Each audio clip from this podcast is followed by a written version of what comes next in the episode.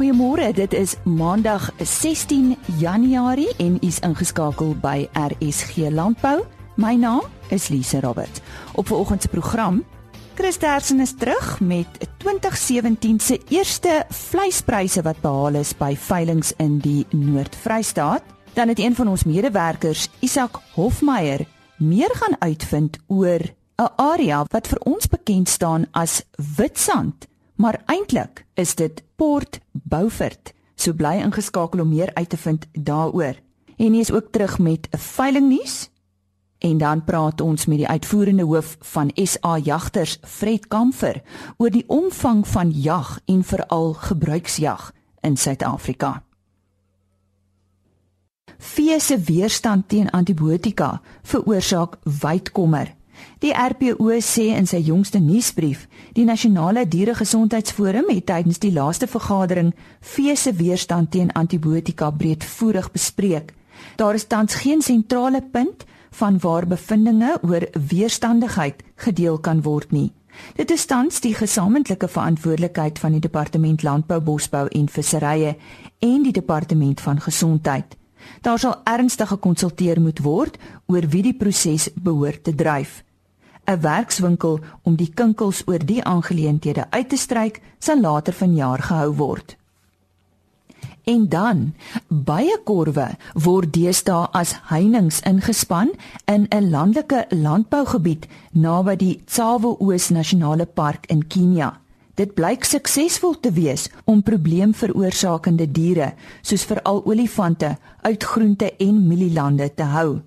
'n Olifant kan tot 400 kg kos per dag verorber en troppe kan groot skade aan landerye aanrig. Boere in die gebied het al verskeie ander vrugtelose pogings aangewend om die probleem hok te slaan. Elektriese en ander omheinings is te duur om op te rig en in stand te hou. Daar word ook gewaag teen konvensionele heininge omdat dit die beweging van wild inperk. Baie daarenteen is maklik om aan te hou en die korwe ontwrig nie die natuurlike migrasieroetes van wild nie. Boonop verskaf dit 'n bykomende inkomste aan die gemeenskap terwyl dit olifante met sukses uit die landerye uithou. Chris Derksen is eers aan die woord vir oggend en uh, hy berig oor die vleispryse wat behaal is by die eerste veilinge van 2017 in die Noord-Vrystaat en die datum van hierdie veilinge 10 Januarie. Môre Chris.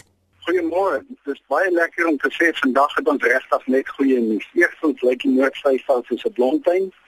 Tweedens is daar skielik weer aanvraag vir aanteeldiere wat 'n groot verskil aan alles maak en pryse het baie mooi gestyg vir beeste. Sien jy die presiese pryse? Spenkalers onder 200 kg, R25.90 per kilogram lewendig. Van 200 tot 250 kg, R26.14 en oor 250 kg R23.84. A-klasse R21.22, B-klasse R19.04, C-klasse vetkoeie die pragtige prys van R18.69 en skraalkoeie van redelike kwaliteit R16.58 per kilogram. En slagbulle R18.97 dan aan die skaapmark baie dieselfde as laas jaar.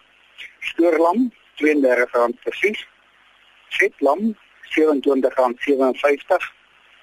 Stoor groot skape R21.97 en vetskape R21.66 per kilogram. En soos altyd, indien dit van enige verdere hulp kan wees, skakel maar enige tyd na 08280 7596. Baie dankie. Aan die woord daar, Chris Terksen.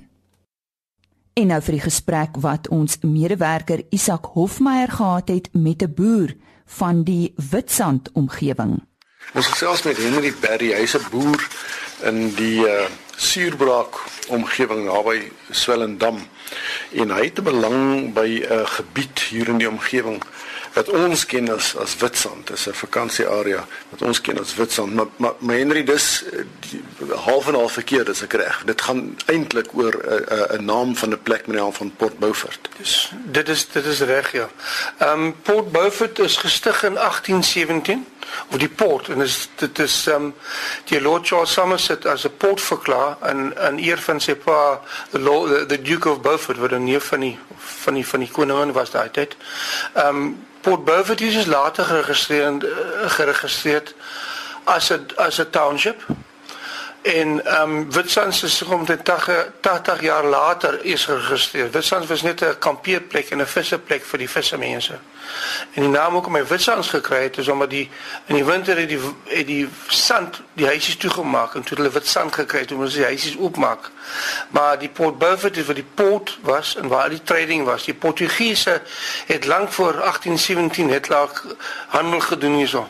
In 10 deel in die museum in die Kaap is 'n artikel wat wat hulle mense by die visvywe by die mond van die Breë rivier al gesien het. Die mense het weggehardloop want hulle was nou bang. Dis seker die vandag se koei mense of daai dae se koei mense. Ehm um, Port Beaufort Port Beaufort is later gestig en maar in 1960 het die afdelingsraad het hulle die naam Port Beaufort uitgehaal en alles net Witsands genoem. En die naam het snaaks genoeg hy's op die N2 oral staan daar Witsands Port Beaufort. Maar die afdelingsraad en die munisipaliteit van vandag het net begin te Witsnaam Wits, uh, Witsand noem. En ek het net besef ehm um, volgende jaar word of hierdie jaar word hy 200 jaar oud Port Beaufort. En ek wil die naam uh, gehou het want ek ek glo mense met jou geskiedenis en jou erfenis moet jy probeer behou hierso. En ja, ek is nou besig met uh, met uh, met die munisipaliteit wat baie lekker saamwerk. Ons is besig op op op op op vlakke wat hulle die naam um, Witstandsport Beaufort en Port Beaufort Witstands genoem so 'n double barrel name is. En ons gaan vir jaar uh fees hou vir 200 jaar fees ook om 'n herdenking van die in samewerking met met die Heseko munisipaliteit en ja, ehm um, ons gaan ook 'n familie reunie ook vir jaar. Die Berries weer hier onderkant. Uh, ons is ook 200 jaar toe ons ou voorvader Joseph ingekom, het die twee val lekker saam. Ek gaan nou oor die oor die Berries praat, net gou nog oor Port Beaufort. Mm. Waar presies is is die ou township dan nou uh, in vergelyking met Witstrand wat ons vandag? Ehm um, Witstrand as jy indraai by die kruis by by by inkom by wat hulle sê Witstrand in Port Beaufort in by die dorpie inkom. By daai kruis is Witstrand eers 3,7 km na nader in die see. Die hele gebied daar is eintlik Port Beaufort is baie groter as wat Witstrand is. En dit was die township gewees. En ja, dit is dit is maar wat dit is. En julle gaan dan nou ehm um, 200 200 jarige bestaansvieringe van van van Port Beaufort het. Dis reg. Mense wat belangstel hierin, hoe hmm. hoe maak hulle? Kom hulle met jou in kontak? Hulle kan met my in kontak kom as hulle as hulle belang wil stel, ja. My my um e-mailadres is lismo l i s m o r e @telkomsa.net. En my foonnommer as jy wil hê is 0722 472 895. Kom ons praat nou oor die Berries. Jy's okay. jy's lid van die Berry familie ja. na wie Berrydale die dorpie ook vernoem is. Dis reg. Uh, ba baie kortliks, wat wat is die geskiedenis van van julle familie in hierdie omgewing? Uh wel die Berrydale in is dat dat een van die Berries in daai tydperk toe die empire gehad het, het het hy baie hy het domineer vreeslik baie vir Carlos Dorp in die mense agter in die, in die in in die klein Karoo gedoen. En die toe toe die twee plase uh, in Berrydale saam smelt om die Dobie Berridel te maak. Het die mense dit vir sy naam gegee Berridel in eer van die ou man wat so baie gedoen het vir hulle. Dis 'n een deel van die geskiedenis. Die ander deel wat eintlik 'n interessante hmm. deel is, is julle jy kan maar sê julle het 'n republiek gehad hier op die stadion. Ons het nie ons het die empire, die Joseph Barry die empire gehad het om uit 'n boot ingevoer. Kyk daai jare was dit hongers hongersnood geweest. En toe die regering van die dag um, tender uitgesit om kos vir die Oeverberg mense te kry. En jy kon net met met Ossewaai gekom, daar was die paaie se romane gevat en baie duur. En toe het Joseph aangekom van Engeland af en hy het om om na die wingerde te kyk hierso wat hy aangaan. Hy stuur die eh, deur 'n uh, uh, winehouse van Engeland hier na toe gestuur en toe sien hy die kontrak. En toe kom hy hierso. En ehm um, toe sien hy maar daar's 'n ander manier om te doen. Toe laat toe toe kry die die kontrak om die om die om die om die om die, om die kos om te bring vir die mense en die produkte. Ehm um, hy het 'n 'n platboom skei want die Witstrand die rivier is baie vlak met plekke. Toe hy stoom vlakboom skei gekry en hy het dit laat invoer van spesiaal laat maak en 'n invoer van Scotland, Clyde in Scotland. En toe hy die kontrak gekry en toe hy die goed omgebring tot bymaal gas rivier op. En toe hy daar bo kom, toe staan die boere daar, hulle van Mossel baie af ingekom en het gehoor hier kom iets aan. En al die ossewaanse daar kom staan op heuwels. En toe hierso kom toe, toe sien hulle maar hier's osse, hier's ons velle en alwyne en ellows en enige ding wat hulle mee kan handel dryf. Toe hy goed opgekoop en so het hy begin om sy hele empire. Later omtrent ek dink omtrent 20 bote gehad wat hier nou weer ge, ge, op die coast af ge, ge, het. En ehm um, ja, dit was trading en hy was nie geld die kan van nie van die van die van die Oeverberg en toe hy sê ja, hy het sy twee neefs, het die twee neefs gekry in die Kaap en toe sê maar kom saam ons help met die die die ding bedryf. En ehm um, toe het hulle ingeklim en en hulle was die drie van hulle en hulle het winkels en banke oral opgemaak in die verskeie dorpe van Bosselbaai tot Montetjie tot in Robertson en so. En ehm um, ja, die empire het so 40 jaar gehou en hulle eie banknote ook gedruk. Dit was dit was 'n enige promosie note, maar dit was die geld in hierde van die distrik. Ja, en en toe die ou boot die Kadi ehm um, uh, val toe as die empire ook tot nie, maar dit het nie net by die Kadi begin nie. Ehm um, daai jaar het die wol, die wol het in mekaar gesak en daar was vreeslike droogte. Ehm um, en dit het gemaak dat die mense nie produk gehad het om om te skuif nie. Dit het ook twee van die grootste boere in ons distrik, die Varinus en die Reitse, wat die president het van die Vrystaat kom almal hier vandaan. Hulle het ook tot niet gegaan weens droogte. So dis sê net vir jou wat moet die ander boere nie gedoen het as die ryk mense tot niet gegaan het. He. So, that's that's it. Die die berries hou nou ook binnekort julle 200 jarige bestaansvieringe. Ja, ons hou op einde van die jaar, ons gaan probeer op Erfenisdag hou. Ehm um, 200 jaar bestaan vir die berry familie in Suid-Afrika. Selle selle telefoonnommer selle selle e-pos op pres as ouens jou uh, wil kontak. Ons ons hou elke 4 jaar erns 'n reunie in die wêreld en ehm um, ja, ons het 'n lys ons stuur uit vir die mense, hulle kom vir OCF alles. So as dit nou Oktober nou laas Oktober het ons 'n reunie gehou in Oudtshoorn. En ons het 130 berries gewees oral in die wêreld. Ons sê baie dankie aan Isak Hofmeyer wat daar met Henry Berry gesels het. En nou nog landbounuus oor misdaad in die visserysektor. Regering spook wêreldwyd om die vernietigende impak van georganiseerde misdaad in die seevisserysektor te bekamp.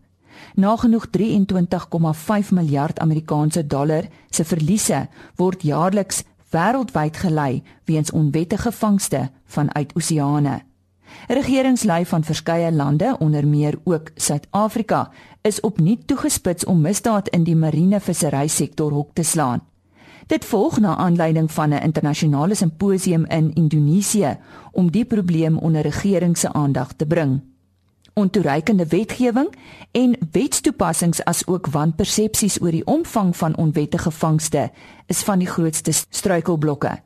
Verskeie visspesies wat kommersieel gevang mag word, soos die suidelike blouvin tuna in die suidoostelike Atlantiese Oseaan, is reeds as voedselbron oorontgin beduidend uitgeput.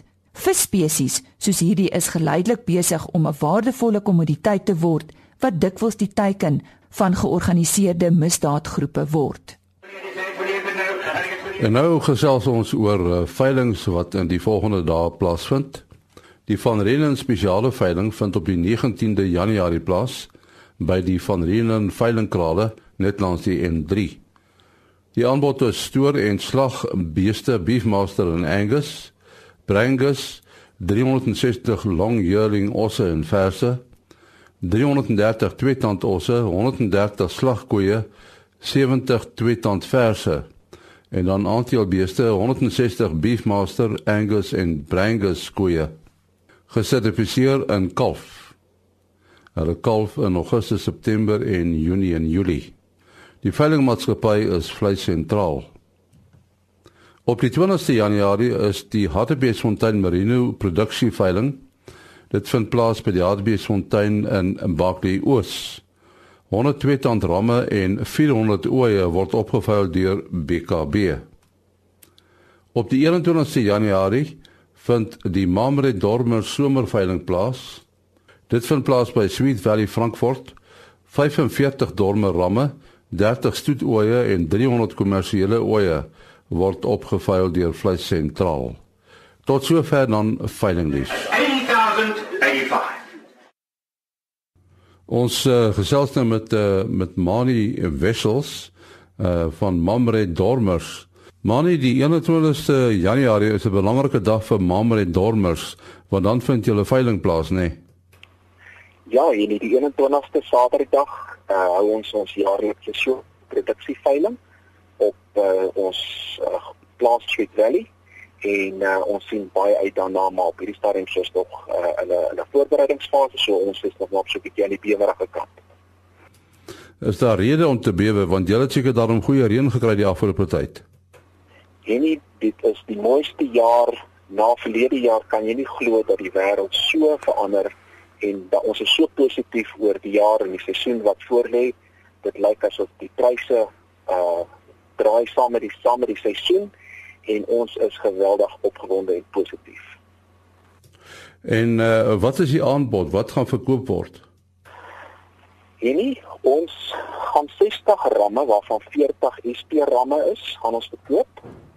Daar's 45 uh stoetoeye, 15 met enkelinge en dan 10 met tweelinge en dan die res gaan oop jong oetjies wees en ons bied ook 300 kommersiële jong oop oetjies aan Ehm um, en van die 300 uh eh, is is 'n kommersiële oeye is, is is daar jong oop oeye, daar's dragtige oeye en daar's oeye met lammers. En ek dink wat baie belangrik is hier nie, ons hou die veiling onder die beskerming van die Dormer Genootskap. So elke dier wat op die veiling aangebied word, voor die veiling sal hierdie diere almal deur 'n keerder gekeer en geïnspekteer word en geen dier word aangebied wat nie goedgekeur is. Het sy dit 'n stietooi is of het sy dit 'n kommersiële ooi is nie. Dit sal volgens die rasstandaarde gekeur word. Goeie telefoonnommer eh, Mani. Hulle kan my kontak by 083 284 7470. Das is die nommer van uh, Mani Wessels 083 284 7470. Suid-Afrika het 'n lang en trotse tradisie van verbruiksjag. Die SA Jagters en Wildbewaringsvereniging, oftewel SA Jagters, bestaan reeds sedert 1949 en is vandag die grootste jag- en bewaringsvereniging in Suid-Afrika wat bewaring deur volhoubare benutting of verbruiksjag bevorder. Ek gesels nou met Fred Kamfer, die uitvoerende hoof van SA Jagters, oor die omvang van jag en veral gebruiksjag in Suid-Afrika. Fred, hoe groot is die omvang van jag in Suid-Afrika? Hallo Lize, lekker om jou te gesels. Ehm um, die jongste navorsing wat ons beskikbaar het is 'n verslag van Noordwes Universiteit uh oor bottonjag wat hulle in 2015 gebaseer het. So dit is 2015 syfers wat ek kwoteer. Hierdie verslag van hulle dui aan dat die totale ekonomiese bydrae van verbruiksjag ongeveer 8,55 miljard rand per jaar is. Dit sluit uiteraard alle koste in. Uh so dis van die aankoop van wapens en ammunisie, klere, brandstof, verblyf, die wild wat jy jag, die verwerking van die vleis en so meer. So dis 'n end tot end ehm um, ekonomiese bydrae.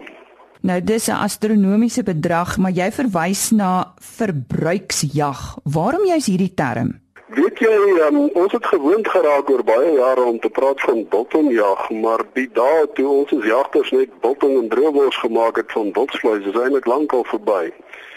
Die meeste van ons lede in die vereniging as jagters gebruik wildsvleis as 'n bron van proteïene net soos enige ander vleis ook maar 'n bron van proteïene is in al die verskillende snitte en voorberei op al die verskillende maniere. Ehm um, dis waarom ons eerder praat van verbruiksjag as biltongjag. 'n Biltongjag skep die indruk dis maar net biltong wat ons maak, maar dit is lankal nie meer so nie. Ehm um, ek het al wildsvleis gebraai vir mense wat hulle geswoor het hulle eet uh, beesfilet en nie geweet dat dit wildsvleis is nie. So gaan maar oor die gebruik van die vleis as proteïene. Hoeveel jagters is daar in die land en en hoeveel word dan werklik gejag?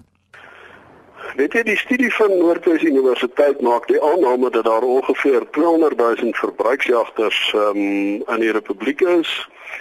Die vereniging van wapenhandelaars het oor 'n baie lang tyd 'n syfer van omtrent 300 000 gehad. So iewers tussen 200 000 en 300 000 verbruiksjagters wat mense sou kon kwalifiseer deur te sê dit is 'n individu wat minstens eenmal per jaar 'n wapen neem en gaan jag met die bedoeling om wildsvleis dan te gebruik, um, soos ons nou nou gesê het. Verduidelik vir ons wat die verskil is tussen verbruiksjag en trofeejag? Verbruiksjag um, is soos ek verduidelik het, jag met die doel om die vleis as proteïen te gebruik. Hierteenoor is die primêre doel van trofeejag om die trofee te bekom en as 'n sekondêre produk word die vleis van die dier wat gejag is ook gebruik. Die trofeejagters jag ook diere waarvan 'n mens normaalweg nie die vleis as bron van proteïen sou gebruik nie soos roofdiere. So die onderskeid gaan grootliks daaroor dat die verbruiksjagter jag primêr met die doel om vleis te gebruik as 'n bron van proteïen terwyl die trofeejagter jag primêr met die doel om 'n trofee te bekom en as 'n sekondêre produk kan die vleis gebruik word in sekere gevalle. Kan ons hier sê dat die die verskil is ook ehm um, die plaaslike mense is meer verbruiksjagmense en uh, oorseese besoekers trofeejag? Ehm um, dit sou waarskynlik in die meeste gevalle waar wees. Die meeste buitelandse besoekers wat kom jag kom juis as trofeejagters terwyl die meeste plaaslike jagters ehm um, verbruiksjagters is.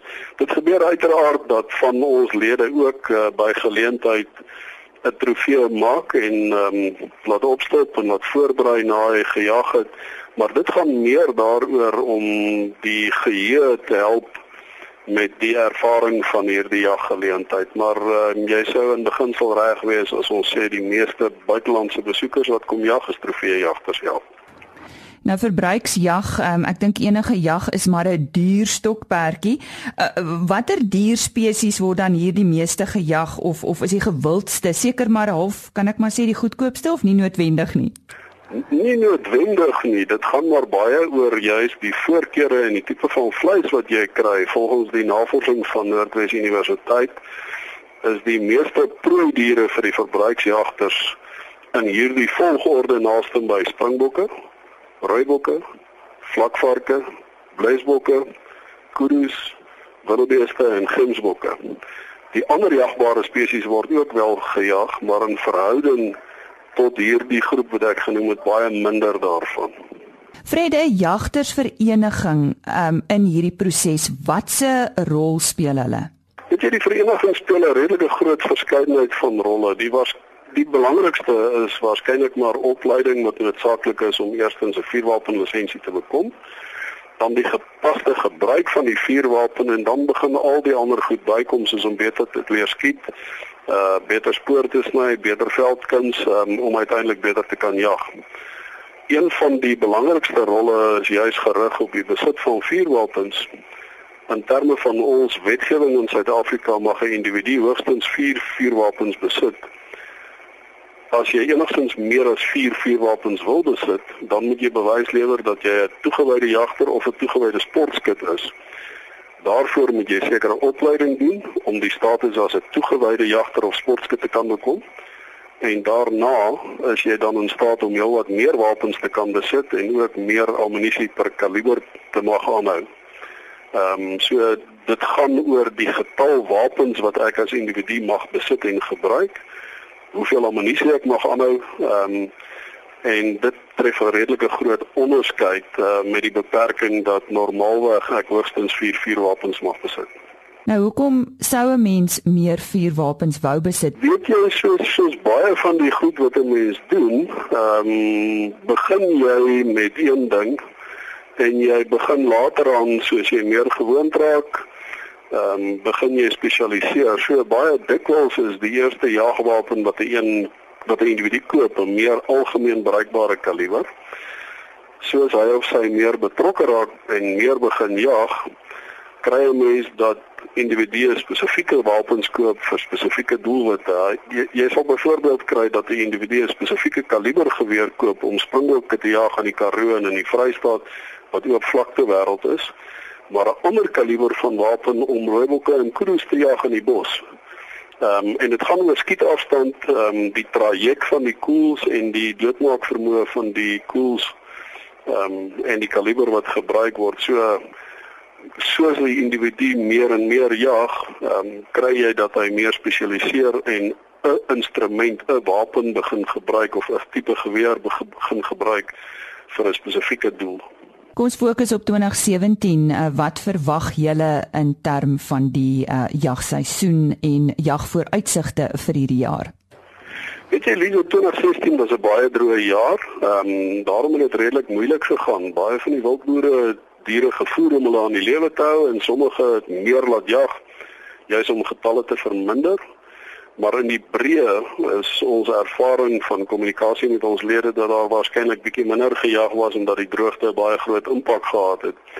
Ons vertrou en ons hoop dat 2017 sal aanhou soos hy begin het. Ons het hier vroeg in die jaar in die begin Januarie het ons baie goeie reën gehad oor groot dele van die land en daarvoor is ons baie dankbaar saam met die boere. Ons wil saam met hulle vertrou dat hierdie goeie reën sal hou, dat ons opvolgreën sal kry en dat dit 'n beter jaar sal wees as volgende jaar of as verlede jaar. En ehm um, dat ons daarom beter geleentheid sal hê om te jag en dat ons ehm um, waardering vir mekaar het. Ons moet altyd onthou as jagters is ons afhanklik van boere wat met wild boer om die produkte produseer wat ons wil gebruik uiteindelik.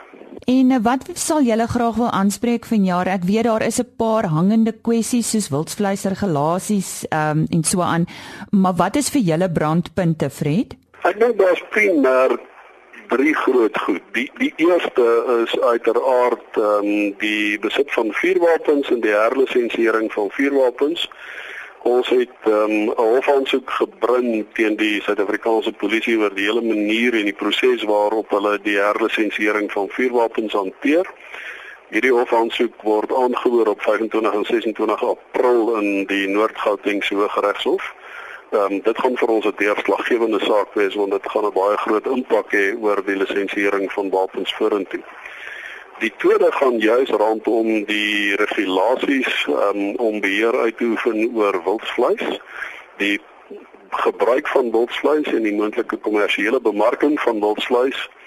Ehm um, ons sal baie goed met die owerhede moet saamwerk om seker te maak dat daar nie onredelike beperkings geplaas word op individue wat wildvleis net vir eie gebruik wil gaan jag nie daar is in die konsepregulasies 'n klompie voorstelle wat ons nogal redelik bekommer en wat ons dink nie baie wys is nie. Uh die derde saak wat ons dink wat baie belangrik is, gaan oor bewaring en natuurbewaring. Uh primêr um, is ons afhanklik van die bewaring van die natuur um, om uiteindelik wild te kan produseer wat ons dan sou wou gaan jag. En daarom lê dit ook vir ons baie na aan die hart en ons sal heelwat aandag gee aan aspekte waarmee ons gaan probeer om seker te maak dat ons kinders en ons kleinkinders ook eendag sal kan jag soos ons doen. Aan die woord daar, Fred Kamfer, die uitvoerende hoof van SA Jagters. Ons het aan die einde gekom van vandag se program. Kom ons kyk wat is onder andere op môre se spyskaart. Die grondboontjie bedryf het die afgelope paar jaar begin kwyn en môreoggend gesels ek met Adri Botha, voorsitter van die Grondboontjie Forum van Suid-Afrika hieroor. En Dr Charlie Reinhardt is ook terug met 'n gesprek oor die bekamping van indringerbos op 'n wildsplaas. So, moenie môreoggend om 05:30 weer RSC Landbou misloop nie. Totsiens. RSC Landbou is 'n produksie van Blast Publishing. Produksieregisseur Henny Maas. Aanbieding Lisa Roberts. En uitskoördineerder Martie Kerstyn.